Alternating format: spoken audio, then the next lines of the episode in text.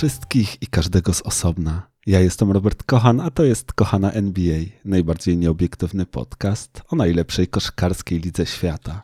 To już 124 odcinek, nagrywany po kilkumiesięcznej przerwie nieobecności i tym razem, jak to śpiewała Blanka, e, solo solo. No ale właśnie, niedługo wraca nowy sezon NBA, a ja wracam do Was ze świeżym odcinkiem podcastu. E, na początek oczywiście należą Wam się słowa wyjaśnienia, no bo jak mówię, na te cztery miesiące bez takich słów e, wyjaśnienia zniknąłem e, z anteny, dosyć pewnie niespodziewanie dla Was.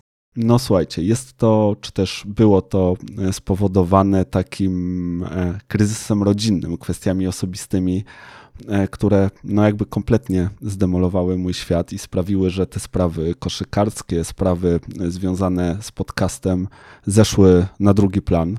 E, co prawda te problemy nie zniknęły, nie odeszły ode mnie, no ale chyba gdzieś tam powoli e, nauczyłem się z nimi, czy też no pewnie mimo nich żyć dalej. No i tak się jakoś staram, staram to robić ta przerwa, ona też e, sprawiła, że no mogłem trochę tak z dystansem e, spojrzeć na ten podcast, na, na jego formę, na jego założenia, no i e, zastanowić się, co, co dalej z nim, bo też przyznam, że gdzieś tam miałem jakiś taki kryzys z tym związany. Zastanawiałem się, czy to moje hobby, no bo to tak naprawdę nie jest i nigdy nie był mój zawód, a, a jedynie jest to hobby, które realizuję w wolnym czasie co, co z tym wszystkim dalej, tak? Czy, czy, czy mam ciągle w sobie tę siłę, tę energię, żeby kontynuować, czy, czy może czas e, powiedzieć sobie dość? No ale właśnie doszedłem do wniosku, że e, jak najbardziej chcę go kontynuować, no a skoro chcę, no to chyba muszę e, coś tutaj zmienić. Muszę, muszę zmienić formułę tego podcastu, muszę chyba przemyśleć i, i zacząć to wszystko no, pewnie e, niejako od, od początku. E, no i tak e, właśnie będzie w przyszłości. Będę chciał wprowadzić tutaj do tego podcastu pewne zmiany. Zapewne będzie to wyglądać tak, że wiele przyszłych odcinków będę teraz nagrywał właśnie tak jak teraz solo solo, tak? Będę je nagrywał sam. No ale oczywiście będę się też starał wprowadzić jakieś urozmaicenia. Chciałbym, żeby pojawili się goście, różnego rodzaju goście. Już mam nawet w głowie taką listę przygotowaną. Będę tutaj wysyłał maile z zapytaniami, bo, bo jest e, kilka fantastycznych osób z tego polskiego świata NBA, z którymi e, chciałbym pogadać i które chciałbym zaprosić. Zobaczymy, czy, czy będą chcieli wziąć e, udział w takim projekcie, bo, bo są to osoby, które no, są większe niż, niż ja i mój podcast, więc zobaczymy, czy, czy będą miały ochotę pobawić się ze mną i porozmawiać na antenie. Na pewno będę próbował. E, chciałbym też tutaj uspokoić wszystkich fanów wiara. Na pewno będę też chciał e, zaprosić Łukasza e, do tego, żeby, żeby był gościem w kilku odcinkach. Więc, więc to na pewno gdzieś tam jeszcze wszystko przed nami, natomiast no, musicie też być świadomi tego, że właśnie część odcinków, a być może nawet większość odcinków będzie przeze mnie nagrywana w pojedynkę. E, na pewno zmieni się też pora emisji, tak? To nie będą weekendy, bo te jednak mimo wszystko gdzieś tam chciałbym trochę poświęcić rodzinie, więc e, ten podcast będzie się pojawiał wieczorami e, w trakcie tygodnia. Jeszcze nie zdecydowałem, który to będzie konkretnie dzień, ale myślę, że będzie to jakoś mniej więcej środek tygodnia. Jakoś tak będę, będę chciał do Was e, uderzać z tym podcastem, więc e, to na pewno jest e, melodia niedalekiej przyszłości. Tutaj jakby bądźcie, bądźcie w gotowości, te odcinki e, będą się e, pojawiać. E, no i właśnie, tak jak już wspomniałem, ta, ta przerwa, te, te cztery miesiące przerwy, które za mną, no one też właśnie utwierdziły mnie w przekonaniu, że chcę to robić dalej, tak? Że, że mam w sobie ciągle tą energię, tę pasję, no i już gdzieś tam w ciągu ostatnich dni, tygodni przebierałem nogami, czekałem na jakiś taki pretekst, tak? Coś, co sprawi, że, że będzie można z takim, no można powiedzieć, hukiem powrócić, jakiś taki fajny temat na sam początek. Zastanawiałem się, czy tutaj nie zrobić jakiegoś takiego podsumowania off-seasonu, osobno dla wschodu, dla zachodu. Być może z czymś takim będziecie się mogli jeszcze tutaj jakby u mnie w podcaście spotkać. Natomiast no właśnie, ten pretekst w ciągu ostatnich dni pojawił się sam, no bo właśnie wielka, wielka wymiana e, w NBA. Damian Lillard w końcu zmienia drużynę, tak? Trafia do, do Milwaukee Bucks e, w ramach takiej trójstronnej wymiany, do której e, dołączyli jeszcze Phoenix Suns. A więc tak, do Milwaukee Bucks w ramach tej wymiany trafił właśnie Damian Lillard. Do Phoenix Suns powędrowali Yusuf, Yusuf Nerkic, Grayson Allen, Nasir Little i Keon Johnson a do drużyny Blazers Drew Holiday, DeAndre Ayton, e, Tumani Kamara, niechroniony pierwszorundowy pik z draftu w 2029 roku i dwa słapy w roku 2028 i 2030 e, z Milwaukee. E, jeżeli chodzi o moją ocenę tutaj, jak ten trade wypadł dla poszczególnych drużyn, to tym zajmiemy się w dalszej części. Natomiast ja chciałbym tutaj troszkę takiego kontekstu e, temu wszystkiemu dodać, no bo rzeczywiście miałem w ostatnich dniach możliwość e, poczytania sobie troszkę e, o tym tradzie i jest tu dużo takich fajnych smaczków, o których chciałbym Wam opowiedzieć. Całość tak naprawdę zaczęła się 1 e, lipca tego roku, kiedy to właśnie Dame Lillard złożył taką e, formalną prośbę e, o wymianę. No i od początku mówiło się o jednym kierunku, tak, o Miami Heat, bo to była właśnie ta preferowana przez Dame'a destynacja. To w Miami Heat on chciał kontynuować swoją karierę. To miało być tam i nigdzie indziej wręcz e, jego agent wypowiedział się dosyć jasno na ten temat w mediach, mówiąc, że ktokolwiek inny będzie chciał po Dejma tradeować, wytraduje po prostu po zawodnika niezadowolonego, który no, nie będzie chciał kontynuować za bardzo swojej przyszłości w danej organizacji, która, która po prostu e, po niego sięgnie. Także Dame i jego agent e, mocno cisnęli na, na Portland. E, to też sprawiło, że Miami Heat poczuli się chyba tacy pewni swego, tak? I no, można powiedzieć, że nie starali się tutaj jakoś wyżyłować tej swojej paczki, która, która miałaby do Portland trafić. Co, no chyba właśnie e, dzisiaj, czy też w ciągu ostatnich dni, e, odbiło im się e, trochę czkawką. Zresztą te starania Dejma, żeby trafić do drużyny Miami Heat, też nie pozostały bez echa, jeżeli chodzi o ligę, bo, bo ta tutaj też dosyć jasno wypowiedziała się i dając jasny sygnał, no, że nie życzy sobie e, tego rodzaju e, podejścia graczy do, do, do ewentualnych wymian. Oni nie są od tego, żeby wskazywać jedną drużynę, do której chcieliby trafić i, i, gdzieś tam e, psuć wartość rynkową i mówić, że w żadnej innej po prostu no, nie będą zadowoleni.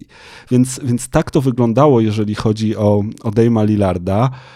Kiedy on do tego Miami nie trafił i dosyć jasne zaczęło się stawiać, że raczej do Miami nie trafi, to podobno on nawet zdecydował się e, zrezygnować e, z tej, tej swojej formalnej jakby prośby, czy też żądania e, wymiany, no i stwierdził, że jednak chyba będzie chciał kontynuować swoją karierę w drużynie Portland Trail Blazers. No ale właśnie wtedy GM Portland, e, Joe Cronin stwierdził, że nie, nie, nie, już jest za późno, że już po ptokach, że e, klamka zapadła, no i jednak będziemy próbować cię gdzieś e, wyhandlować. Także trochę taki case w stylu be careful what you wish for, tak? Uważaj czego sobie życzysz, bo, bo może się to spełnić. No i być może właśnie było to też trochę na rękę ostatecznie Portland Trail Blazers, no bo oni jakby biorąc pod uwagę swoich kibiców nie bardzo mogli e, pokusić się o to, żeby sami Dejma wytradować. To byłoby pewnie e, przez ich kibiców bardzo niemile widziane, ale kiedy taka formalna prośba wypłynęła ze strony Lillarda, no to mogli już o tym myśleć, mogli handlować, no a trzeba pamiętać, że Dame Lillard najmłodszy nie jest, tak? On już wchodzi powoli, a przynajmniej w trakcie tego swojego e, kontraktu, który ma jeszcze podpisany na 4 lata, gdzie te ostatnie lata to jest e, rząd prawie no chyba 60 milionów dolarów za sezon. On już wtedy będzie w drugiej połowie swoich lat 30., więc wydaje mi się, że to też był jeden z takich ostatnich momentów, żeby za Lillarda ładną, okrągłą sumkę zgarnąć. Także wydaje mi się, że o ile to się mogło wydawać pechowe dla, dla Portland Trail Blazers, o tyle no, może właśnie troszkę ta wiadomość spadła Joe Croninowi z nieba. W każdym razie, kiedy Dame Lillard próbował wycofać się z tego swojego żądania, próbował gdzieś tam znów E, wrócić do, do Portland Trail Blazers, wtedy w zaciszu gabinetów rodził się zupełnie inny trade, tak? Trade właśnie z Milwaukee Bucks. I co ciekawe, e, ten trade, e, ta wymiana nie była w ogóle konsultowana z Janisem, tak? Wszystko od początku było trzymane w bardzo ścisłej tajemnicy, a to z uwagi na to, że John Horst, czyli jakby główny menadżer Milwaukee Bucks, właśnie postanowił że bardzo, bardzo mu na takiej tajemnicy zależy. A dlaczego? No, no dlatego, że Bucks po prostu nie chcieli, żeby Portland e, oferowali Drew Holiday'a innym zespołom, które by też mogły jakby do tej wymiany dołączyć, no bo mogłoby jakby to wszystko trafić do mediów. Ta informacja o tym, że, że Milwaukee chce przehandlować Drew Holiday'a mogłaby właśnie trafić do, do prasy.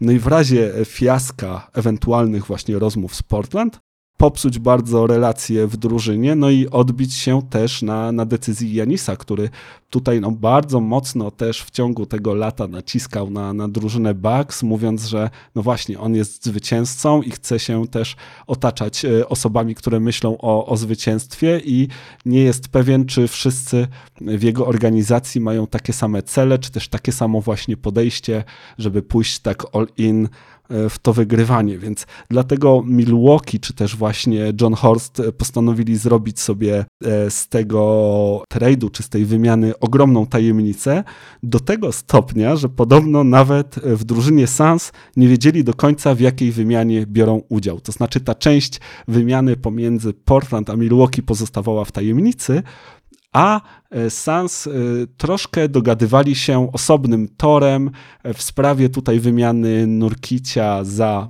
Ejtona i tutaj właśnie też Nasir Little miał dołączyć.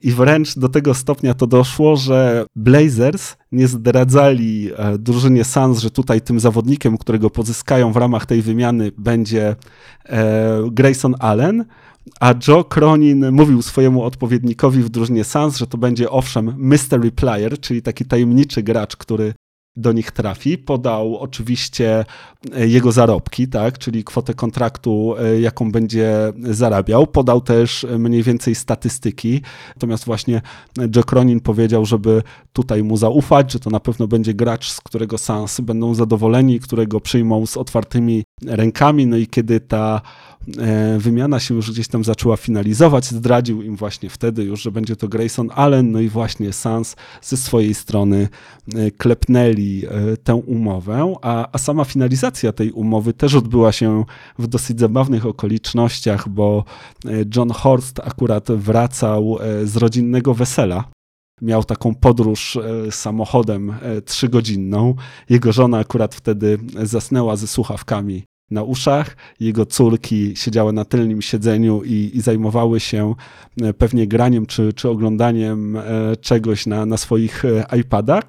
No a właśnie John Horst wtedy przez telefon połączył się na taką bardzo, bardzo długą, szczerą rozmowę e, z Joe Croninem i podczas e, tej rozmowy właśnie ustalili ostateczny kształt e, tej wymiany, tego jak, jak ona będzie wyglądać. No i właśnie dogadali się, że dojdzie ona do skutku. Także bardzo tutaj jakby wydaje mi się ciekawy kontekst tej wymiany. Ja przyznam szczerze, chyba dawno nie widziałem, żeby aż tak dużo szczegółów na temat y, właśnie kulis takich wymian y, do nas docierało. To jest dla mnie szalenie interesujące właśnie móc y, o tym trochę poczytać i, i dowiedzieć się czegoś więcej. No ale właśnie, jak już znamy te kulisy, to przejdźmy sobie do szczegółów tej wymiany i do mojej oceny tego trade'a dla poszczególnych drużyn. I Tutaj chciałbym e, zacząć od e, Milwaukee Bucks, jako tej organizacji, która no, pozyskała, wydaje mi się, no ale właśnie, czy najlepszego gracza w ramach tej wymiany? No chyba pewnie najlepszego, chociaż ja przyznam szczerze, jestem ogromnym e, fanem talentu Drew Holiday'a. W każdym razie, tak jak już wspomniałem wcześniej, Bucks zostali trochę postawieni przed ścianą przez Janisa. Ta presja, którą Janis wywarł na tę drużynę, zmusiła ich do tego, żeby, żeby coś zmienić, żeby troszkę przetasować kształt tej drużyny, no i właśnie sprawić, sprawić Janisowi radość. No ale czy sprawili, to się okaże. W każdym razie, zaczynając gdzieś tam od tej mojej oceny, dla mnie pięciostopniowej skali, czy też sześciostopniowej, takiej szkolnej może, e, taką sobie przyjmę. Dla mnie tutaj Bucks zrobili trade'a na 3 z plusem, tak? Ja uważam, że, że to, co zgarnęli, to jest 3 plus, ale może się tak naprawdę skończyć to też pewnie piątką, tak? Dlaczego 3 plus, które może się skończyć piątką? Ano dlatego, że wszystko zależy od tego, co dalej zrobi Janis, tak? Bo jeżeli Janis nie podpisze extension, Jemu tak naprawdę zostały 3 lata kontraktu, z czego ostatni to jest player option, więc mm, Bucks mają 2 lata na to, żeby namówić Janisa do podpisania przedłużenia kontraktu. Jeżeli Janis tego przedłużenia nie podpisze, to dla mnie ten trade, on wart jest właśnie takie 3 z plusem. Jeżeli podpisze, no to Bucks osiągnęli wszystkie swoje cele, tak? Bo zakontraktowanie Janisa na długoterminowy kontrakt to jest dla nich priorytet i to jest dla nich główny cel. I jeżeli ten główny cel udałoby się tym tradeem e, osiągnąć, no to to jest dla mnie wszystko tak naprawdę, co im trzeba. I wtedy, wtedy ta moja ocena e, leci w górę do piątki, no może 4,5, ale, ale właśnie e, skłaniam się do tego, że to będzie 5. W każdym razie zostańmy teraz w dniu dzisiejszym, kiedy Janis tego e, kontraktu, czy też przedłużenia kontraktu nie podpisał. Ja wcale nie jestem pewien, e, że on to zrobi. Wydaje mi się, że właśnie wręcz może do tego doj nie dojść. Dlaczego 3 z plusem? No, no dlatego, że moim zdaniem tutaj Bucks wcale jakoś bardzo nie ulepszyli swojej drużyny i wcale nie poprawili znacząco swoich szans na sięgnięcie po mistrzostwo w tym sezonie. Oni jakby już bez tego trade'a byli jednym z kontenderów, tak, jednym z faworytów do wygrania wschodu i jednym z faworytów do, do sięgnięcia po mistrzostwo, mimo tego blamarzu w tych playoffach, kiedy jako właśnie pierwszy seed przegrali z zajmującym ósmą pozycję Miami chcieli coś zmienić, chcieli coś e, naprawić, no i rzeczywiście ta wymiana Lillarda za Holiday'a, e, no ale właśnie nie tylko, tak, bo dołożyli jeszcze te, te pozostałe asety, ten pik w 2029 roku i te dwa słapy, no słono zapłacili za tego Lillarda, który jak bardzo podnosi ich e, szanse na sięgnięcie po mistrzostwo? O 5? O 10? O 15%? Nie wydaje mi się, żeby to było aż tyle. Może dlatego, że ja jestem e, super fanem e, Drew Holiday'a i wydawało mi się, że on jest takim no, doskonałym fragmentem w tej drużynie. Zresztą było to widać w tym sezonie, kiedy Bucks sięgali po mistrzostwo, no bo przecież te, no można powiedzieć, kultowe już zagrania Jur Holiday'a z serii finałowej, ten, ten przechwyt najpierw, który potem skończył się alejupem e, do Janisa, tak, e, w tym, w tym najważniejszym meczu, no to jest coś, co zawsze zostanie gdzieś tam w mojej głowie i zawsze będzie się z Jur Holidayem kojarzyć, ale też coś, czym on e, podbił serca Milwaukee Bucks, więc ja tutaj jestem ogromnym fanem Drew Holiday'a. Tutaj, jak mówię, Bucks słono zapłacili za to, żeby, żeby tego Lillarda dostać, no i na pewno jest tak, że Lillard ma szansę znacząco poprawić ofensywę Milwaukee Bucks. Wydaje mi się, że te pick and role, które mogą razem z Janisem grać, to może być jedna ze straszniejszych broni w tej lidze. Nie chcę sobie nawet wyobrażać, to, to będzie koszmar absolutny y, dla ich przeciwników. Natomiast należy pamiętać o tym, co już wcześniej powiedziałem, że no, Lillard najmłodszy już nie jest, tak? On w tym sezonie e, już ma 33 lata.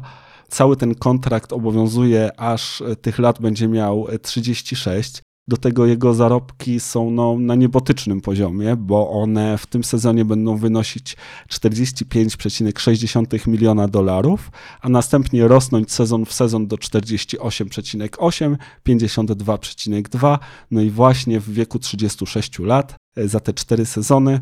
Lillard zarabiał będzie 56,4 miliona dolarów, więc ogromna kwota dla tak leciwego gracza, a może jeszcze ona ulec zwiększeniu. To wszystko zależy oczywiście od tego, jak będzie kształtował się e, salary cap. No ale właśnie, przyglądając się gdzieś tam bliżej statystykom zarówno Lillarda, jak i Drew Holiday'a, no to tutaj aż tak dużej różnicy nie ma, biorąc pod uwagę z, zwłaszcza to, że przecież Drew Holiday, no on nie jest tutaj jakby, jego największą bronią nie jest e, ofensywa, a e, to, co najlepsze z siebie daje zespołowi, jest właśnie po tej bronionej stronie parkietu. No i właśnie, e, patrząc gdzieś tam w te statystyki, no to u Lillarda w tym ostatnim sezonie to było 32 punkty, 5 zbiórek i 7 asyst.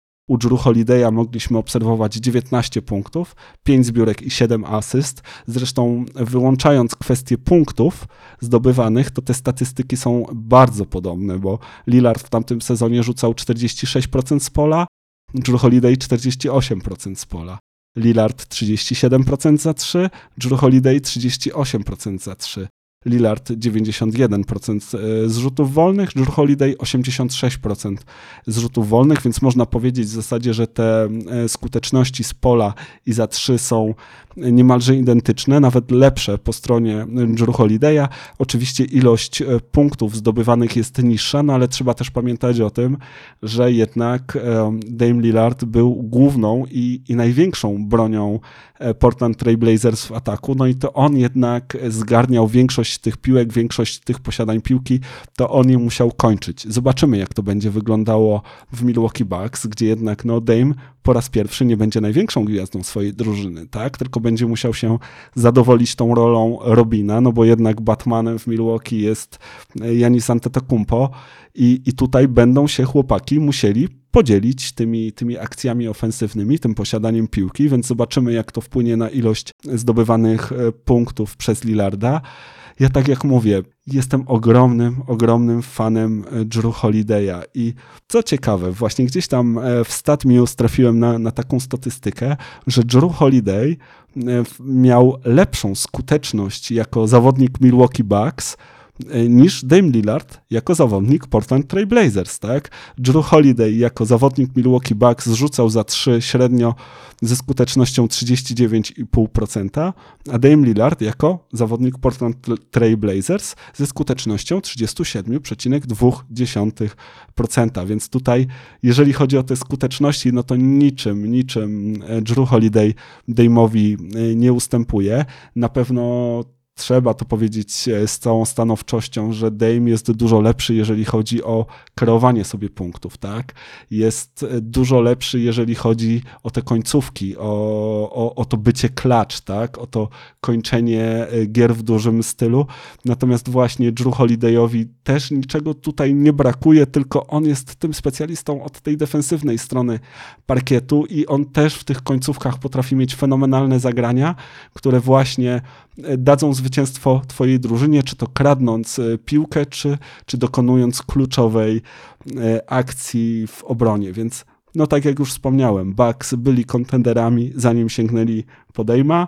Będą też kontenderami, czy też jednymi z głównych faworytów do zdobycia tytułu e, w NBA w tym roku. O ile te szanse rosną, po pozyskaniu Dejma, moim zdaniem bardzo to jest nieduża liczba, tak? To te, te, te procenty nie są, nie są duże i Bucks aż tak znowu dużo nie zyskali. Wiadomo, musieli trochę przetasować w składzie, ale no za to przetasowanie moim zdaniem e, zapłacili niemało. No i teraz wszystko e, tak jak też już wspominałem, będzie zależało od tego, czy Janis e, podpisze przedłużenie kontraktu. Także moja ocena tej wymiany dla Milwaukee Bucks to jest 3 plus. Przejdźmy teraz może do Portland Trailblazers, tak? Bo no oni moim zdaniem na tym tradzie zyskali najwięcej, zdecydowanie najwięcej i tutaj moja ocena e, właśnie w tej szkolnej skali tego trade'u dla Portland Trailblazers to jest piąteczka. To jest taka pewna piąteczka, bo jestem bardzo, bardzo zadowolony z tego, co zrobili, zwłaszcza w kontekście informacji, które gruchnęły przed chwilą. No bo właśnie, co zrobili Portland Trail Blazers? Przede wszystkim obstawili przeciw długiej przyszłości Bucks. jeżeli Janis nie podpisze tego przedłużenia kontraktu i odejdzie z Milwaukee Bucks, to tam się może bardzo nieciekawie podziać. I może się okazać, że zarówno ten niechroniony pierwszorundowy pik w 2029 roku, jak i te słapy w 2028 i 2030 będą niezwykle wartościowe dla Portland. Tam można będzie, być może, zwłaszcza przy tej płaskiej teraz loterii, no bardzo wysoki numer e, w drafcie zgarnąć.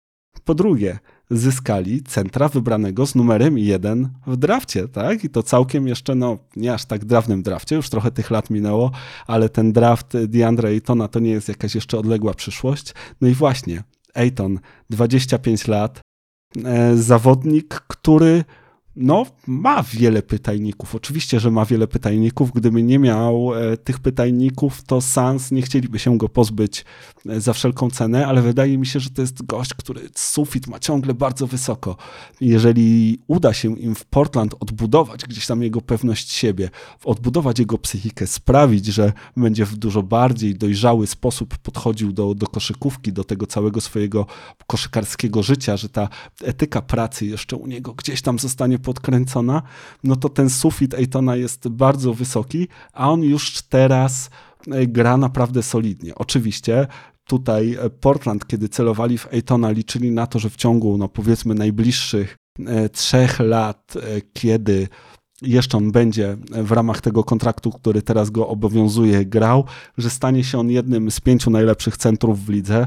Moim zdaniem to nie są płonne nadzieje, bo Ejton jak najbardziej ma ten potencjał. Oczywiście wszystko zależy od tego, czy on dojrzeje, tak? Czy, czy będzie w stanie poważnie do tego NBA podejść. Natomiast no właśnie, choćby już teraz patrząc, to jest e, bardzo solidny gracz, tak? bo on w zeszłym sezonie grał na poziomie 18 e, punktów, 10 zbiórek i dwóch asyst. No ale tutaj te, te skuteczności z pola naprawdę całkiem niezłe. 59% z pola, 76% z wolnych. Za 3 rzucał słabo, no ale póki co przynajmniej nikt za bardzo na te jego trójki nie liczył i myślę, że, że, że ciągle tak będzie. Natomiast no właśnie zawodnik e, z bardzo, bardzo dużym potencjałem. No i to, co jest najważniejsze, ten news, który który gruchnął dzisiaj, tak? Drew Holiday, który, który trafił do Portland, który mógłby być takim super weteranem dla Scoota Hendersona, bo wydaje mi się, że ciężko znaleźć lepszego weterana dla swojego 19-letniego rozgrywającego, bo Drew Holiday oprócz tego, że jest fantastycznym gościem na boisku i można się na parkiecie od niego mnóstwo nauczyć, no to jest też fantastyczny, jeżeli chodzi o te kwestie pozabojskowe, tak? O kwestie mentalności, o kwestie bycia liderem, o jakieś takie basketball IQ, to wszystko y, on to ma, tak? To, y, że na każdym kroku podkreśla, że rodzina jest y, dla niego najważniejsza. To, jak prowadzi się w swoim pozakoszykarskim życiu, no to jest po prostu idealny wet, jakiego chciałbym dla mojego rookie point guarda, czy też rookie guarda z topu draftu. No i właśnie, ten Drew Holiday jednak ostatecznie bardzo szybko został wyhandlowany. Tutaj nie trzeba było e, bardzo długo czekać, no bo Drew Holiday trafił do Boston Celtics, tak? W wymianie za Malcolma Brogdona, Roberta Williamsa, popularnego Time Lorda. Wybór w pierwszej rundzie draftu 2024, który Celtics e, mieli od Golden State Warriors, czyli e, pick w 2024 roku i niechroniony wybór w drafcie należący do Celtics w 2029 roku. Więc ten 2029 rok będzie bardzo, bardzo ważny dla Portland Trail Blazers. Oni tam będą mieli zarówno właśnie przyszłość Celtics, jak i przyszłość Bucks w swojej ręce. Dwa pierwszorundowe piki zupełnie niechronione. No i okazało się, że w ramach tej wymiany, w ramach pozbycia się Dame'a Lillarda, jak mówię, starzejącego się, zarabiającego ogromne pieniądze, suma summarum, e, Portland Trail Blazers pozyskali DeAndre Aytona, Roberta Williamsa, Malcolma Brogdona, Tumani Kamare, 2024 pick e, Warriorsów w pierwszej rundzie draftu, swap z Bucks w 2028, pierwszorundowy pick e, Celtics i Bucks w 2029 niechroniony, przypominam, oraz ten swap w 2030 roku. Więc naprawdę super solidna paczka, jaka trafiła do drużyny Portland Trail Blazers. super tutaj sprawa, czy też super działanie ze strony Joe Cronina, to, że on jakby nie uległ presji Dame'a Lillarda, że nie wyhandlował go do Miami Heat, tylko no właśnie cierpliwość, praca, to wszystko zostało nagrodzone i ostatecznie ta paczka, e, która do Portland Trail Blazers trafiła, jest fantastyczna. No a to wcale jeszcze nie musi być koniec, tak? Bo wydaje mi się, że, e, że Portland będzie po prostu handlowało dalej i albo pozbędą się Ejtona, co jest dla mnie mniej prawdopodobne, albo pozbędą się i puszczą dalej Roberta Williamsa, który nie jest im aż tak potrzebny, a za którego wydaje mi się ciągle można coś e, fajnego dostać i na którego zna znajdą się w lidze chętni. Na pewno znajdą się w lidze chętni na Brogdona, tak? Tego jestem pewien, że już teraz kilka drużyn tam dzwoni, sprawdza, jaka jest cena i wydaje mi się, że to jest kwestia kilku najbliższych dni, jak tutaj znowu gruchnie wiadomość, że Malcolm Brogdon trafił do, do jakiejś innej drużyny. Ja z tego, co słyszałem kiedyś, Brogdonem mocno zainteresowani e, byli moi Clippers. Nie wiem, jak to się e, ma teraz i pewnie wszystko będzie zależało od e, ceny. My na pewno nie mamy tutaj za bardzo co oddać drużynie Portland Trail Blazers, bo raczej nie wydaje mi się, żebyśmy tutaj chcieli handlować naszymi pikami właśnie z tych lat 2029-30, kiedy, kiedy w końcu pozbędziemy się tego obciążenia związanego e, z wymianą za, za Pola George'a, no ale jestem pewien, że jest e, cała rzesza chętnych organizacji do tego, żeby po Brogdona e, sięgnąć, więc to wcale nie musi oznaczać jeszcze końca jakby tego ciągu wymian i moim zdaniem naprawdę fantastycznie to Portland e, zrobiło. Jestem super e, zadowolony z tego, jak udało im się ostatecznie tego trade'a dopiąć. No i dla mnie właśnie solidna, mocna piąteczka e, za tę wymianę. No i oczywiście z ciekawością patrzę, co tam się będzie dalej działo. I tak, jak jestem hurra optymistycznie właśnie nastawiony do tego, jak to wygląda po stronie Portland, tak też zupełnie przeciwnie patrzę na to, co zrobiło Phoenix Suns, bo ja tego po prostu totalnie nie rozumiem. Moja ocena tego trade'u dla Phoenix Suns to jest dwuja. Nie jest to jedynka, nie jest to niedostateczny, jest to, jak to się dzisiaj mawia, dopuszczający, a jak to się kiedyś dawno temu mawiało za moich czasów, mierny. Słyszałem nawet takie głosy, że Sans tą wymianą się osłabili bo tutaj e, sprowadzili trenera nowego, Franka Wogla, który jest znany z tego, że e, z centrami bardzo dobrze pracuje i potrafi e, tym centrom tchnąć, że tak powiem, w nich nowe życie.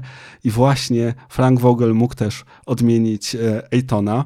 No a nawet jeżeli nie mógł tego Ejtona odmienić, to wydaje mi się, że za DeAndre Ejtona, za ten pierwszorundowy pik, czy też pierwszy pik w pierwszej rundzie draftu sprzed kilku lat, kiedy e, Phoenix Suns wybrali Ejtona przed Luka Donciciem, tak? Pewnie do tej pory plują sobie w brodę, e, co zrobili. W każdym razie za DeAndre Ejtona zgarnąć tylko Yusufa Nurkicia, Nasira Little i Graysona Allena, to mi się wydaje bardzo, bardzo, bardzo mało. I no coś musiało być nie tak e, w tych Suns z tym Ejtonem. Musieli totalnie go skreślić i no oni mają najlepszą wiedzę, tak? No bo oni gdzieś tam znają e, tajemnice szatni, czy też wiedzą, jakie DeAndre Ayton e, ma dokładnie podejście. W każdym razie, no wydaje mi się, że skończyła im się już do Aytona cierpliwość. Być może jest to związane z poprzednim sezonem i tym meczem numer 6 w playoffach, kiedy no, no wyglądało na to, że po prostu DeAndre Ayton no spasował, tak? Więc być może jest to związane z tymi wydarzeniami, być może chodzi tu o coś innego. W każdym razie jasne jest dla mnie, że Sans zupełnie stracili nadzieję e, na to, że z DeAndre Aytona coś jeszcze będzie. No właśnie ta wymiana jest tego najlepszym przykładem, no bo Jusuf Nurkic naprawdę ja rozumiem, że, że to może być gracz, który w oczach e, Sans będzie tym, który spróbuje zatrzymać e, Nikolę Jokicia, jeżeli Phoenix Suns e, udałoby się gdzieś tam zmierzyć razem z Denver Nuggets w playoffach, ale wydaje mi się, że, że po prostu to się nie zdarzy, tak? Yusuf Nerkic, owszem, e, jest, czy też był solidnym centrem w tej lidze, przez długie lata.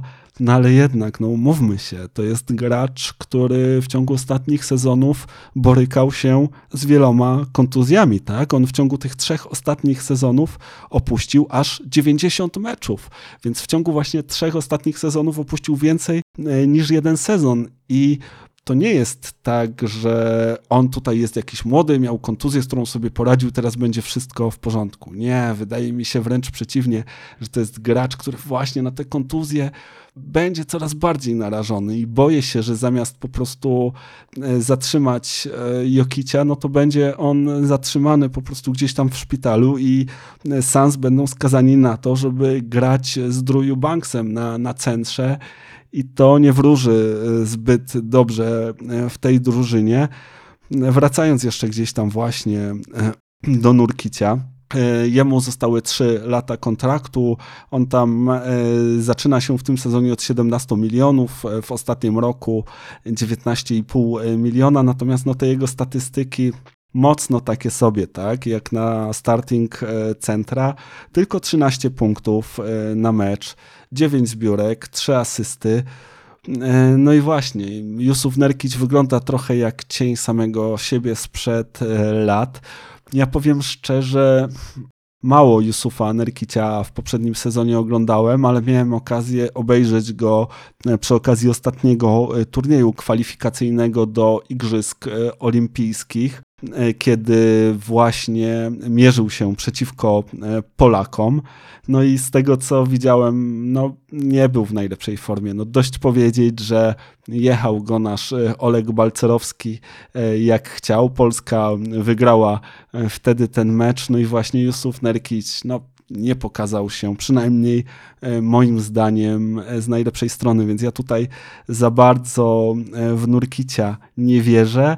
Nie wierzę też trochę właśnie w to, co, co Sans tutaj zrobili. Może mieli w tym jakiś większy plan, może zależało im na tym, żeby trochę zmniejszyć salary, żeby troszkę jakby odchudzić te płace. Natomiast no właśnie w sezonie, kiedy masz u siebie Bradley'a Billa, kiedy masz u siebie Devina Bookera i Kevina Duranta, ostatnim, o czym powinieneś myśleć, to jest odchudzanie płac. To jest właśnie ten czas, kiedy powinieneś płacić, płacić i jeszcze raz płacić e, po to, żeby właśnie zwiększyć swoje szanse na mistrzostwo, tak? Teraz jest ich okno na sięgnięcie po mistrzostwa, to jest ten czas. E, warto włożyć jak najwięcej starań w to, E, żeby właśnie tych szans dać e, sobie jak e, najwięcej. No a jeżeli chodzi o te pozostałe asety, które w ramach tej wymiany trafiły do Sans, no to tutaj też jakby no moim zdaniem szału nie ma. Najlepszy z tych asetów no to jest Grayson Allen na expiring kontrakcie, bodajże 9,5 miliona w tym sezonie będzie zarabiał, potem jest wolnym agentem. No ale jeżeli liczysz na to, że Grayson Allen w playoffach e, pomoże ci wygrać serię, no to moim zdaniem przeliczysz się, tak? To nie jest e, tego typu gracz. Ja mam wrażenie, że jego forma w playoffach, mimo tego, że, że grał troszkę więcej, jednak e, spada, że że przynajmniej też ten sezon i, i, ta seria przeciwko Miami, no to nie były najlepsze w jego, w jego wykonaniu. Mam wrażenie, że nawet ta chęć e, poprawienia trochę swojej pozycji na ławce, jeżeli chodzi o Phoenix Suns, można to było zrobić dużo lepiej i e, starając się właśnie, być może tak jak zrobił to Joe Cronin w Portland, troszkę więcej cierpliwości, troszkę więcej pracy, troszkę więcej analizy potencjalnych tradeów i wydaje mi się, że za Ejtona e, można, można było zyskać o wiele więcej, więc tak tutaj wygląda e, moja ocena tej wymiany dla, dla poszczególnych e, drużyn. No, na pewno e, biorąc pod uwagę też to, że Drew Holiday trafił do, do Celtics i to, jak wzmocnili się właśnie Boston Celtics, no to zarówno Milwaukee Bucks, jak i Boston Celtics są właśnie chyba na takim samodzielnym tierze kandydatów do wygrania wschodu. E, cała reszta zespołów, a zwłaszcza te, które są zaraz za ich plecami, no pewnie troszkę plują sobie w brodę, tak? Bo, bo nie wygląda ta sytuacja dla nich najlepiej. Tutaj Cleveland wydaje mi się sporo będzie odstawać. Oni też na pewno będą mieli swoje problemy w tym sezonie, no bo nic nie wskazuje na to, żeby Donovan Mitchell planował podpisanie z nimi przedłużenia kontraktu, więc na pewno to będzie temat, który w szatni Cleveland Cavaliers będzie się e, przewijał. Na pewno mogą pluć sobie w brodę Miami Heat, bo oni tutaj byli wymieniani jako jeden właśnie z tych głównych kandydatów, który będzie chciał handlować po, po gwiazdy i wzmocnić jeszcze ten swój skład, któremu udało się no, aż taki sukces osiągnąć w tym sezonie i, i, i, właśnie dojść e, aż do finałów. Natomiast właśnie ta pewność siebie Pata Rileya i e, wiara w to, że, że tak naprawdę Blazers nie mają alternatywy e, dla, te, dla tej wymiany, tylko że muszą to, to zrobić z hit, no sprawiła, że, że hity no, nie postarali się i, i teraz naprawdę mogą sobie pluć w brodę, bo konkurencja się wzmacnia, a oni zostali jakby w tym samym miejscu, wręcz gdzieś tam jeszcze e, osłabili się, tracąc swoich e, kluczowych roleplayerów e, na rzecz innych drużyn. No i jest jeszcze Filadelfia, tak? I Joel Embiid, który pewnie pięściami wali teraz w ścianę, bo patrząc na to, co dzieje się w innych drużynach, a patrząc na to, co dzieje się w Filadelfii, no nie może być Embiid zadowolony. Tutaj Filadelfia ciągle jeszcze przed nimi zmierzenie się e, z tym największym, największym pod względem wagi e, problemu, ale też wagi zawodnika, właśnie problemem e, Jamesa Hardena, tak? Zobaczymy, jak bardzo będzie chciał Harden sprawić, żeby niezręcznie e, poczuła się Filadelfia. Może się okazać, że Joel Embiid e, znowu obejdzie się smakiem w tym sezonie, no i zobaczymy, jak to wpłynie na jego postawę i na jego lojalność wobec Filadelfii. I może się okazać, że Joel Embiid z Filadelfią kontraktu przedłużyć nie będzie chciał i będzie kolejnym wielkim zawodnikiem w przyszłości, którego będziemy właśnie e, obserwować, jak tutaj żąda wymiany do, do innego zespołu. Oczywiście nie życzę tego Filadelfii. Mam nadzieję, że tam się e, wszystko fajnie poukłada. Nie chcę być złym prorokiem, ale no niestety muszę na to też gdzieś tam e, spojrzeć realnie, więc bardzo, bardzo ciekawie się dzieje przed rozpoczęciem tego sezonu, który no już właśnie za niecały miesiąc ja się już nie mogę doczekać na to, żeby zobaczyć, co, co się będzie działo dalej. No i co? No i to już chyba tyle, jeżeli chodzi o to, e, o czym dzisiaj chciałem Wam opowiedzieć. Mam nadzieję, że nie znudziliście się za bardzo słuchając tutaj mnie solo solo, że ten, że ten podcast e, był dla Was ciekawy. Starałem się tutaj znaleźć dużo takich fajnych smaczków. No i oczywiście pamiętajcie, że w przyszłości też możecie na mnie liczyć. Ja tutaj zobaczę, co się będzie dało zrobić, jeżeli chodzi o, o innych gości. No ale nawet jeżeli ich nie będzie, to, to mam nadzieję, że będziemy się e, regularnie słyszeć. Także dziękuję Wam bardzo za to, że byliście ze mną przez te 40 kilka minut. No i zapraszam Was już na kolejny odcinek podcastu. A tymczasem trzymajcie się cieplutko i do usłyszenia.